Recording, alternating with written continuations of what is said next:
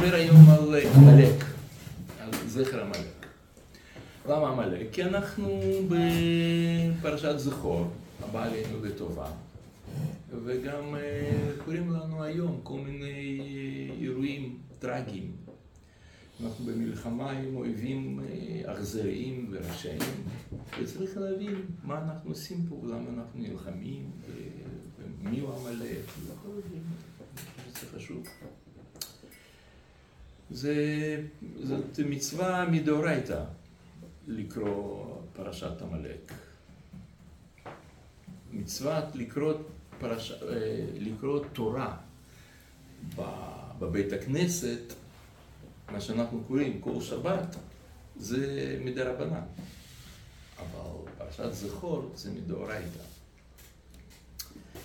וזה דבר מאוד מאוד רציני, עד כדי כך שהקדוש ברוך הוא אומר שהשמי לא יהיה שלם עד שתמחו זכר עמלק. רגע שנייה, ניתן לכם דפים מקורות.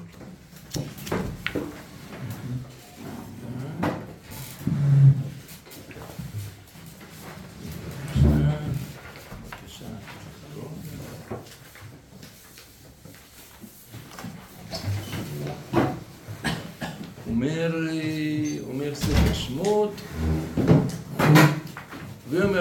יד על כס יא מלחמה להשם בעמלק מדור דור, אומר על זה רש"י, אין השם שלם ואין הכיסא שלם עד שימחה שמו של עמלק. ואנחנו מנסים להבין, זה לא נאמר על גילוי עריות, שפיכות דמים ועבודה זרה, זה לא, לא כתוב שעד שיש עבודה זרה בעולם, שמי לא, מלא, לא שלם. על עמלק כן כתוב. למה? ובסך הכל כשאנחנו חושבים על עמלק, מה הוא עשה? אז למה אנחנו כל כך נלחמים עם עמלק? לפני 3,300 שנה, כשיצאנו ממצרים, היינו עייפים ויגעים, והוא בא ונלחם איתנו. נכון, לא טוב, אנחנו כועסים, אנחנו לא, לא זה, אבל 3,000 שנה אנחנו כאלה נקמנים, נותרים, כבר אין עמלק בעולם, וכבר לפחות 2,500 שנה הוא כבר לא קיים. לא יותר, יותר מ-2,000, 3,000 שנה. הוא בכלל לא קיים כעם, כשום דבר, ואנחנו עדיין זוכרים ומצווה למחות אותו ולהרוג אותם וכל זה, למה? מה, מה קרה? מה יש בעמלק שאנחנו כל כך צריכים להשמיד? לא רק אותו, אלא גם, גם נשים, זקנים, ילדים קטנים, ובמלחמת שאול שם בעלי חיים והחפצים שלהם צריכים להשמיד. מה, מה, למה? זה כל כך, כל כך אכזרי, יחס כל כך... ועמלק, וככה זה גם אותה שאלה, באותה הזדמנות אנחנו גם נדבר על, על שבעת העממים. אז יש שם פריזים, יבוסים, גרגשים, חיטים, כנענים, ויחס כל כך טוטאלי, שם גם הורגים את כולם, תינוקות, הכל, הכל, הכל. למה האכזריות הזאת? ו... והרי עם ישראל ידוע כעם ביישנים, גומלי חסדים, אנחנו אנשים טובים, רחמנים, אז איפה פה הרחמנות שלנו? למה אנחנו כל כך... כדי להבין את זה, אנחנו צריכים לדייק כמה, כמה דברים טכניים, לזכור, לדעת כמה דברים טכניים. נתחיל מזה ש... שלפי רמב"ם, אנחנו... תודה רבה, יישר כוח.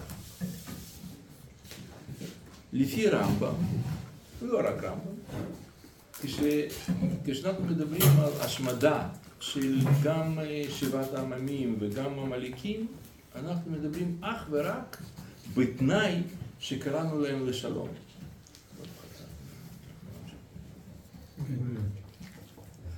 קודם כל זה מצווה לאומית, לא לאנשים פרטיים, וגם זאת מצווה שמכריחה, שדורשת מאיתנו, קודם כל לקרוא להם לשלום.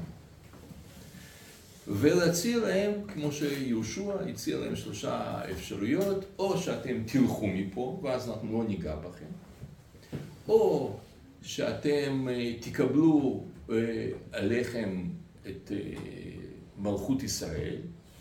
מה זה מלכות ישראל? זה לא, לא אומר להם שום דבר, הם יכולים להישאר מה שהם, לא משתנה בית שלהם, נשאר בית שלהם, חצר שלהם, בוסטן שלהם, טרקטורים שלהם, אוטובוסים שלהם, הכל נשאר שלהם.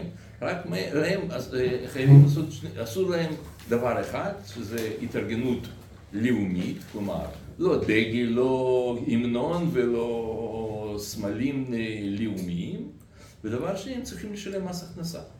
כמו שזה מקובל בכל עולם, כמו שאני משלם מס הכנסה.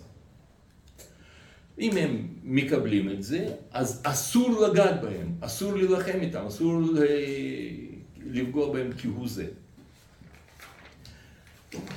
ורק אם לא, אה, ועוד דבר, שבע מצוות בני נוח. הם צריכים לקבל על עצמם שבע מצוות בני נוח. מה זה שבע מצוות בני נוח? זה מצוות שרק לא לקלקל את העולם. שאבא לא יתחתן עם, עם הבת שלו, ושלא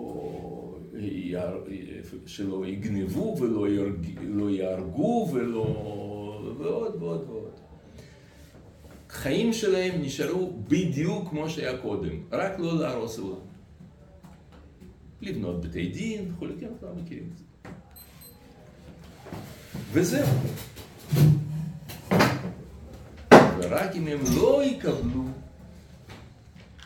אז עושים איתם מלחמה, אבל מלחמת חורמה, טוטאלית, הורגים כולם.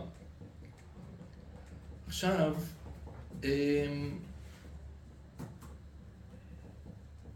ודבר נוסף, עמלקים, גם כולל שבעת העמימים האלו, יכולים גם להתגייר. אם הם רוצים, יכולים להתגייר. לא חייבים, אבל מי שרוצה, בבקשה. ואז כמובן לא ייגעו בהם, לא יעשו להם כלום. והיו תלמידי חכמים, שהם היו צאצאים של עמלקים, כמו שאומרת הגמרא, שמבני בניו של המן לימדו תורה בבני ברק. לכן, כשאנחנו מדברים על, אה, על מצב הזה, כשאנחנו מדברים על מצב הזה, אנחנו מבינים שעם ישראל לא עם אה, ששונא זרים ונלחם עם אנשים אחרים ורוצה להרוג. אדרבה, כל עניין של עם ישראל זה היה להביא טוב לעולם. והתברכו בך כל משפחות אדמה. זה דבר ראשון שנאמר ליהודי הראשון בעולם לאברהם אבינו, הקדוש ברוך הוא נגלה עליו, דבר ראשון שאומר לו, לך לך מארצך וממולדתך מבית אביך, ואז יעשך לגוי גדול, והתברכו בך כל משפחות האדמה. זאת אומרת, כל עניין של עם ישראל, מתחילתו ועד היום, זה להביא טובה למין האנושי. ואנחנו נערו עליו אה, אה, כל הגויים, שבחו כל האומים כי גבר עלינו חסדו, כן, אנחנו תמיד רוצים ולתקן עולם במלכות השם, אנחנו עם אוניברסלי, אנחנו לא, אה, לא אתנוצנטרי מה שנקרא, שרק אכפת לנו מעצמנו וכל השאר גויים, אנחנו שונאים אותם, לא, לא, אנחנו במהות עם ש... אוהב אדם ורוצה לעשות טוב לאדם.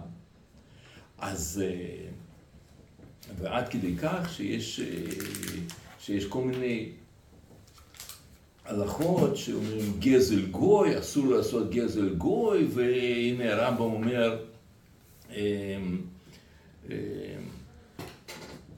זכור חמש, הנה אינו מותר לאדם שיקיים דינר או מאה, יחסר ממנו תש... אה, השטות, אלא שיחתוך אותו. וכל שכן שלא ישתמש בה, או ייתה בה את, את העובד כוכבים, כן? אסור להטות בדינר עובד כוכבים.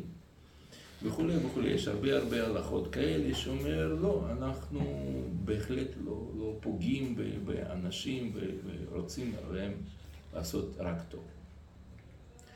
אז למה דווקא את אלה אנחנו מחרימים והורגים ורוצחים והכל הכל הכל? התשובה היא פשוטה.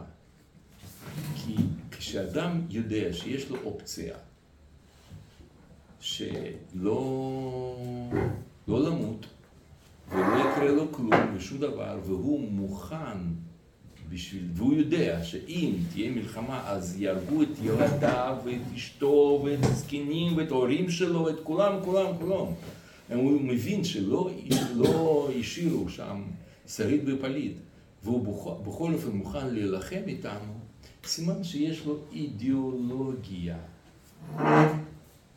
זה לא אדם פרטי, זה לא מישהו שבא להילחם איתנו ויש בינינו סכסוך. לא. יש לו אידיאולוגיה. וזאת, אם זו אידיאולוגיה, אז זה אומר שהאדם הזה, או העם הזה, רוצה להפיץ את האידיאולוגיה שלו לכל העולם כולו. וכשאנחנו נלחמים איתם, אנחנו לא נלחמים על קרקע, כסף, כבוד, דת, נפט, כבוד מלכה, כלום. אנחנו נלחמים אך ורק דבר אחד, שהאידיאולוגיה הזאת של עמלקים ושל שבעת העממים לא תתפשט לעולם. מה זאת אומרת שזו אידיאולוגיה? אנשים שהם ככה מוכנים להילחם, הם לא מדובר על, על כשאנחנו אומרים סך הכל האנשים האלה יבוסים, חיטים, אמורים, כנענים, חיבים, גרגשים, בסך הכל פלאחים כאלה, כמו דרוזים, צ'רקסים, בדואים, אז אנחנו פתאום באים, שוחטים, כולם, תינוקות, מה קרה? מה, אנחנו בעצמנו כמו נאצים כזה? מה זה, ככה אנחנו מתנהגים? אבל צריך בראש לעשות סוויץ'. זה לא דרוזים, צ'רקסים, בדואים, וזה, זה, זה מדובר על אנשים שהם, אה, במקום, במקום שתגידו את אה, חיטים, אמוראים, אה, אמורים, כנענים וכל זה, תגידו ופן אס אס, שטנדרטן פיורר, זונדר קומנדו. זה, זה זה כוחות שהם אה, כוחות אה, של רשע. כמו דאעש, שהם עושים מלחמה. אז דאעש אכפת לו מקרקע, מכסף, הוא רוצה להשתלט על שדות נפט? לא. הוא רוצה להפוך את המין האנושי שיהיה כמוהם. כלומר, שאנשים שמישהו שם אומר משהו לא טוב, אז עורפים לו את הראש, כמו שהם היו עושים את זה למורים שם אה, בצרפת, או לאנשים שם, שמעתם, המורה אמר משהו שם נגד מוחמד, אז אה, באו וחתכו לו את הראש. זה, זה אנשים שיש להם אידיאולוגיה של התפשטות שהם רוצים שכל העולם יהיה כמוהם. כמו שנאצים רצו שכל העולם יהיה כמוהם. הם לא נלחמו על אזורי שליטה אה, כלכלית או אידיאולוגית, אלא זה היה עניין. ואיך אנחנו יודעים את זה? כי קראנו להם לשלום, והם, אה, והם לא היו מוכנים לעשות איתנו שלום. כן, בבקשה. זה נפקא מינה בים פיזי, או שכל פעם זה משתנה מעם לעם? פעם זה הגרמנים, היום זה נכון, המוסלמים. נכון, נכון. זה באמת שאלה טובה. באמת מדובר פה על שינוי שעובר לא, הוא לא שינוי ש... שייכות לשירת העממים וגם עמלקים, זה לא מדובר פה על שינוי אתני, לאומי כלשהו, אלא זה מדובר על כוח, כוח מסוים, שהוא יכול לעבור מעמלקים לרומאים, מרומאים אה, לגרמנים ומגרמנים לערבים. כמובן, לא כל הערבים הם, אה, הם נאצים, אבל זה שיש ביניהם אלו שהם אקטיביים, שהם לא, איך אנחנו מזהים עמלק? זה מישהו שהוא, יש לו שנאה לא רציונלית. הוא לא סתם שונא, כמו שיש הרבה, יש לנו הרבה אנשים שאלה שונאים את אלה, ולמה שטויות, בגלל שם הוא לא אוהב את אלה, לא אוהב את אה, אירופאים, לא אוהב אה, בלונדינים, לא, אוקיי, בסדר, לא טוב, זה באמת פרימיטיבי, מחשבה רעה וכולי, אבל, אבל זה סתם. אבל אנשים שהם פועלים באופן אקטיבי נגד עם ישראל, רוצים להשמיד אותו, ו- וכל עניינם באופן לא רציונלי, מכוון לזה, אז זה, זה סימן של עמלקיות. כל מי שהוא כזה, אז הוא בעצם עמלק. הוא מגלה כוח של עמלק, ואותו צריך להשמיד. ואני רוצה להראות לכם סרטון שבו מסופר על עמלק כזה, שזה, רואים את זה מאוד, אה, מאוד בבירור, שזה בן אדם שהוא עמלק. זה היה מופתי של ירושלים, קראו לו חאג' אמין אל-חוסייני, שהוא לפני, כן, בזמן מלחמת העולם השנייה, הוא התחבר לנאצים, ונאצים תכנתו, תכננו אותו, להפוך, להפוך אותו כאילו ש, ש, שהקבוצות של פלסטינאים שנלחמים נגד עם ישראל, כמו שנאצים הרגו את יהודים והשמידו אותם באירופה, ככה הערבים היו אמורים, והחג'מין אל-חוסייני היה בראשם, היה אמור להשמיד את יהודים שגרים גרו אז בארץ ישראל, והמלחמה שלו לא הייתה מלחמה על שטח, זו הייתה מלחמה עצם השמדת היהודים. ולכן הוא מאוד מאוד התחבר לנאצים והיה ממש חלק מהם. והוא לא יחד כמובן זה לא מדובר פה על אדם אחד. הייתה לו קבוצה, היו אנשים שהלכו אחריו, העריכו אותו, בחרו בו להיות נציג הרשמי שלהם שם, ועוד ועוד ועוד. אני רוצה להראות לכם תוכנית שעשו אותו בערוץ 11. מה? לא, אני חושב שזה מספיק, אולי בואו תראו אם זה מספיק.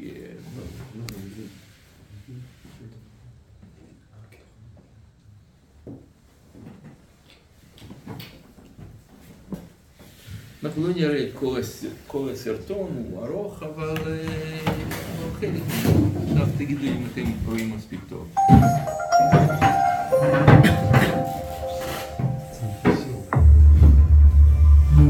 רואים טוב? ללא ספק האויב המר ביותר, בעל המשמעות הרבה ביותר, והראשון. The Mufti was very valuable to Hitler. Amin al-Husseini and Hitler thought alike. Adolf Eichmann explained him how the Nazis would solve the Jewish question. He knew what was going on with the Jews. They were rounded up and brought to the camps. He took an active part in the final solution. The Mufti was ready to plan the elimination of Jews in the Middle East. And we have it in writing. كيف يتم تقدير اليهود اختيارهم بينما كانوا يتسببون في بقاء العالم شريرا وبائسا إنهم موضوع الفوضى وسبب المعاناة وهم كانوا مثل نخل الأخلاق سوسا Tunis, Morocco, and he relied on the Mufti. He told him that he expected to win against the Russians, and then he would turn to the Middle East. And you, the Mufti, you are the one I rely on when our troops come to the Middle East. סתיו 41, כוחותיו עומדים בשערי מוסקבה כמעט. ארצות הברית עדיין לא נכנסת למלחמה, היא תיכנס מספר ימים לאחר הפגישה של היטלר והמופתי. אין מעצמה עולמית שמאיימת עליו, הוא מרגיש שהעולם כולו לרגליו. הוא שואף להתחבר דרך קווקז למזרח התיכון, או דרך צפון אפריקה למזרח התיכון, לשלוט על הנפט, לשלוט על תעלת סואץ. המופתי מגיע בשעה הגיאופוליטית הכי נכונה מבחינתו. הנה הגיע אליו צלאח א-דין של המאה ה-20, אותו מנהיג מוסלמי, שנרכבו איש איש על סוסיהם ביחד אל עבר השקיעה ויכבשו את העולם יחדיו. היחסים בינו לבין הימלר ובינו לבין היטלר מאוד מעניינים. שני האנשים האלה רואים באסלאם דת גברית, הירואית, מאוד אטרקטיבית ללוחמים. למשל, הימלר כינה את הדת הנוצרית דת רכרוכית ונשית. Himmler loved Islam because it was also a religion of fight and struggle. There was a doctrine called jihad. Slowly but surely, in their talks, both agreed Europe eventually should be a Muslim continent. ויש אפילו ציטוט שמייחסים להיטלר שאומר שהיה ואני אנצח במלחמה, אני בעצם הופך את הדת של האס-אס מנצרות לאסלאם. משום שהאסלאם זה דת שמכשירה בעצם לוחמים לצאת לשדה הקרב בלי בכלל אה, פחד. I think uh, כן, תזכרו את זה, זה דברים שלא תמיד אה, מודעים לזה. וזה אחד המקומות, אה, בדרך כלל לא מדגישים את זה. אבל אה, היה קרבה מאוד גדולה בין אסלאם לנאציזם. והם אה, מבססים, זה, זה חוקרים, היסטוריונים, שכל מה שהם אומרים מבססים על המחקרים ועל עדויות וכל זה. אז, אז אסלאם ונאצים היו מאוד מאוד קרובים בדבר הזה. זה לא רק מופתי. He's an Aryan. He has uh, certainly Roman blood in his veins. ניקו לו את השמיות, הוא נהיה ארי של כבוד. היטלר אומר למקורביו, אדם עם כזה כוח רצון שהצליח לנצח את הבריטים, הוא לא שמי. יש לו דם ארי, אני רואה את האצילות מבט שלו, אני רואה את הזקן שלו, הוא ארי. I read tons of literature and uh, documents about him, even Nazi documents about him. and I asked his secretary how was he, how was he thinking, and he gave a brief answer. He felt as one of them. ثم تطرقت إلى ذكر الود والصداقة بين ألمانيا والدول الإسلامية والعربية كما أنها تقاتل أعداءنا المشتركين يهود العالم والدول الاستعمارية التي تضطهد العرب Hij moest die, maar hetzelfde wat. אחד, שהעמים הערביים לא יחליפו כיבוש בכיבוש, ודבר שני שהיה חשוב לו מאוד מאוד לוודא שהמדיניות כלפי היהודים תהיה מדיניות בלתי מתפשרת, והיטלר מבטיח לו הבטחה חגיגית, שהאינטרס היחיד של גרמניה הנאצית בכיבוש המזרח התיכון תהיה השמדת היסוד היהודי.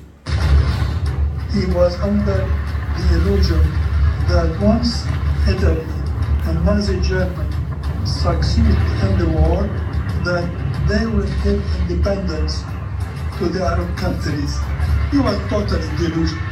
צריך לזכור שמהפגישה הזאת לא יצא משהו קונקרטי. המופתי אבל הפיק ממנה את התועלת האופטימלית, ויכול היה להציג למקורביו, לאוהדיו, לחסידיו את העובדה שהוא נפגש עם האיש הכי חזק בעולם, והיטלר ב-41 הוא בלי ספק המנהיג האימתני והחזק ביותר בעולם.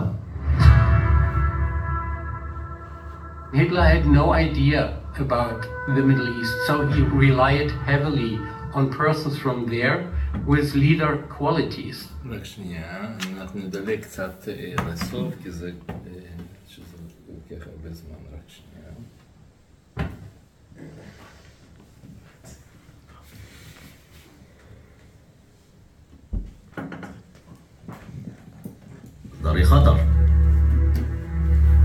כשהוא כותב שעדיף שהיהודים יגיעו לפולין, שמשם לא יוכלו להגר לפלסטינה או לכל מקום אחר, ראש ממשלת בולגריה מבין מצוין במה מדובר. אלפי ילדים יהודים יכלו לחיות פה היום, אבל ההתערבות שלו, הנפשעת, סיכלה את הניסיונות האלה, באיזו קלות הוא סיכל לפחות 4-5 פעמים החלפה של ילדים יהודים בחיילים גרמנים שבויים, או כל מיני חלונות נפתחו, צוהר נפתח לאיזה זמן קצר. והוא פעל, הוא שמע, מיד יצאו מכתבים לאיישמן, שנקרא האדריכל של הפתרון הסופי, להימלר, ראש האס-אס שבאחריותו, משרד הראשי לביטחון הרייך, וכמובן הבוס הגדול אדולף היטלר, והם נענו לו. ובזה הוא ארכי פושע ששותף לגרמניה הנאצית בביצוע הפתרון הסופי. כך צריך לראות אותו, כרוצח אקטיבי.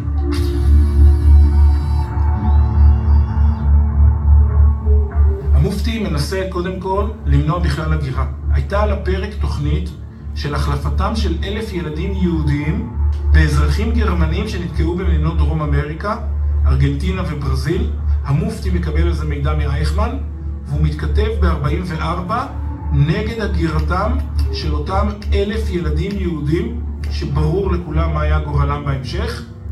העניין הזה של הילדים שנמנעת היציאה שלהם לדרום אמריקה מוכיחה כאלף עדים שהמופתי עסק ברצח עם והמופתי לא עסק במניעת ההגירה כחלק ממאבק לאומי כי אחרת, מה אכפת לו למופתי שאלף ילדים יהודים יצאו להם לדרום אמריקה? לתאר אותו רק כמי שיש לו אספירציות פוליטיות כאן בארץ ישראל המנדטורית, זה מגמד את הפעילות האנטי-יהודית הקיצונית שלו, שאף פעם לא ידע שובע, תמיד הוא חשב איך להזיק עוד יותר לעם היהודי. ב-20 לתשיעי 1944, המופתי אומר בשפה הערבית, אוי, העם הערבי האציל, האם אין בכוחכם להתגבר על 11 מיליון היהודים? הייתה מוסכמה. לפני 1939 שיש בעולם 17 מיליון יהודים. המופתי יודע להגיד שיש 11 מיליון יהודים בעולם. זה אומר שהמופתי היה שותף סוד מלא לתוכנית ההשמדה הנאצים ידעו לזהות את הכישרון של חאג' אמין אל-חוסייני. לכן הם השתמשו בו כמנהל מחלקת ההסברה ברדיו הערבי בברלין. הוא הפך להיות סוג של סלבריטאי מקומי. أن يؤدوا رسالته خير الأداء ويظهروا مما يتوفر لهم من الدراسات الإسلامية ومن ومن تاريخ المسلمين وآثارهم טוב, העיקרון הבנתם, נכון? טוב.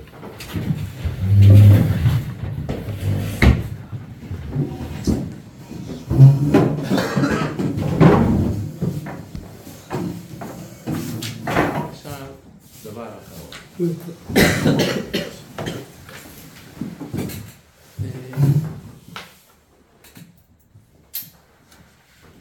המלחמה שלנו עם עמלק זה לא, וגם היום, מה שאנחנו עושים היום, מחבלים, כל זה, זה ברור שזה עמלקים. ו... והם לא נלחמים איתנו על שטח וכל זה, כמו שאנחנו יכולנו לראות את זה בעזה, זה כבר אה, לא מלחמה שאנחנו, אנחנו לא נמצאים בעזה והם יורים עלינו, למה?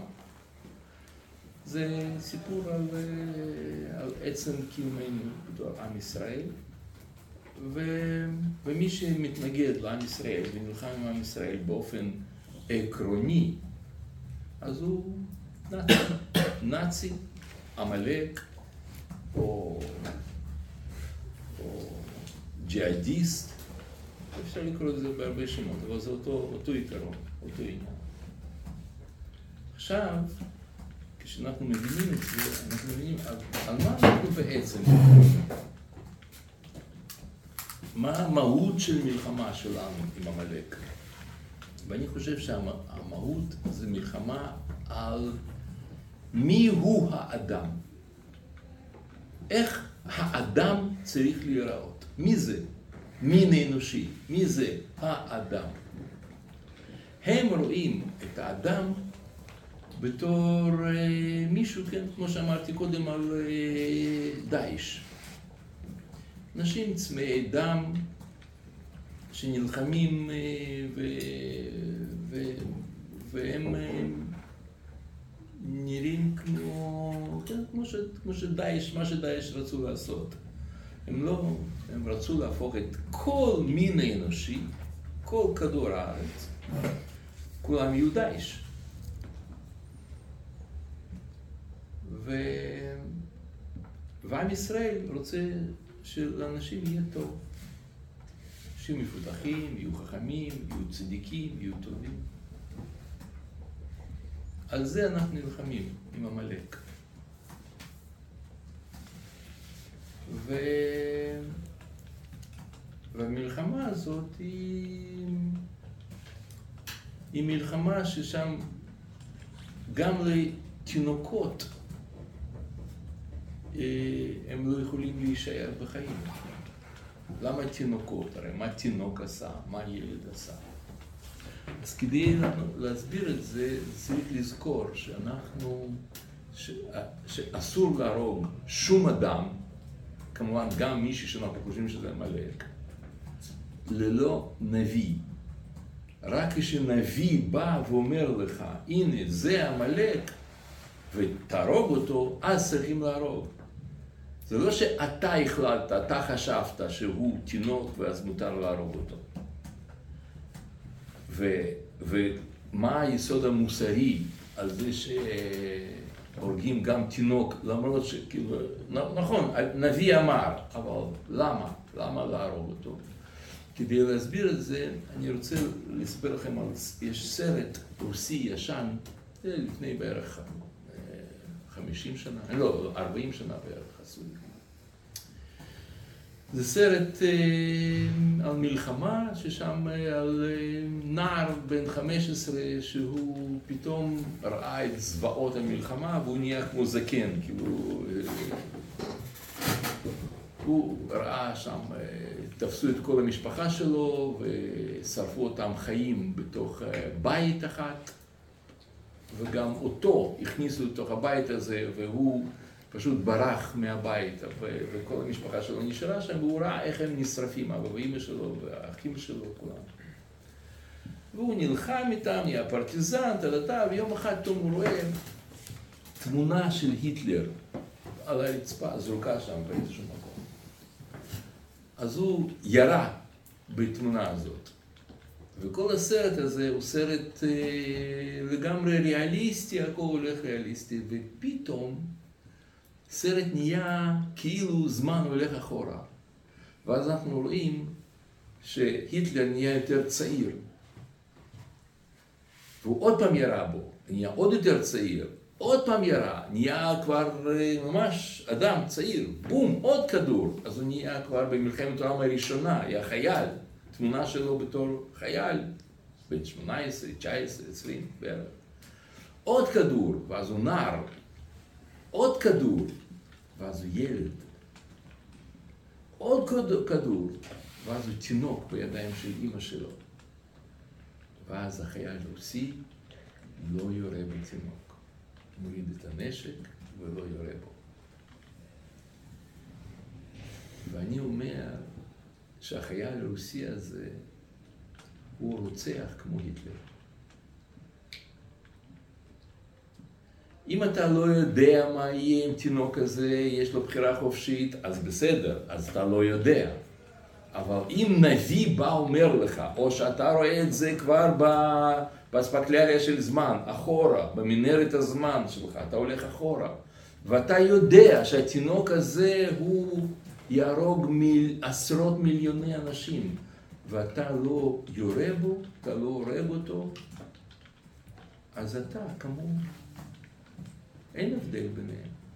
אתם זוכרים, אנחנו למדנו את זה בסיפור בין מרדכי ואסתר, שמרדכי אמר לאסתר, אם את יכולה, זה מהר"ל ככה מסביר את זה, אם את יכולה למנוע את דבריו של אמן ואת לא עושה את זה, אז את כמוהו. אתם זוכרים את ה... לא זוכרים? מה? למדנו, למדנו, אתם פשוט שכחתם. שיעור שעבר? שיעור שעבר. שיעור ג'. אה, בשיעור הקודם על לבוש. למדנו על לבוש? כן. מה? כן, כן, שהוא מתגלה בתור מתגלה. אז היה שם, אה, טוב, אחר כך תסתכלו, אבל אצלכם זה מופיע... עכשיו היה לקוונטים, ואז לפני כן. לא, כן, כן, אז שיעור הקודם, אחד לפני כן, על לבוש. חוץ זה היה אישור ג'. לא, לא היה. לא למדנו על לבוש, לא. ותלבש אסתר, כן, כן. לא, לא, לא, על אז זה ש... אה, לא היה לנו שיעור על לבוש? אוי ואבוי. טוב, בסדר, בעזרת השם, פעם הבאה. בלי נדר. טוב. אז... אמ, אז בסדר. אז מה... יש שם מהר"ל ככה מסביר את אה, דבריו של אה, מרדכי ואסתר. אני רוצה להראות לכם את, הקטע הזה בסרט.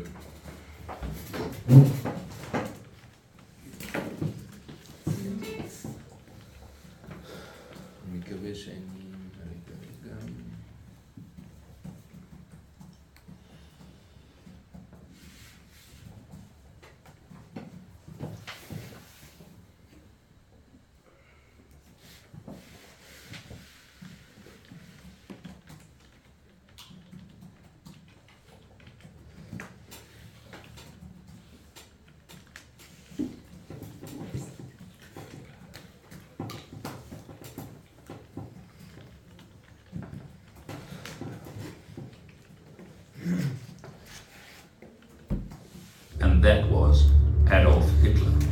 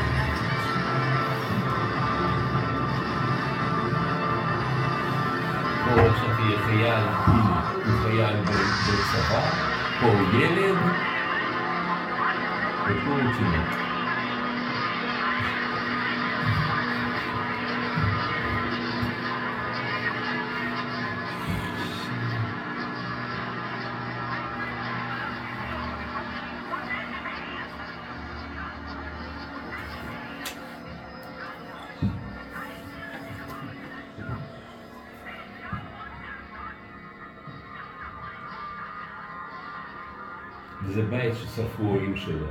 פה, פה שרפו אותם.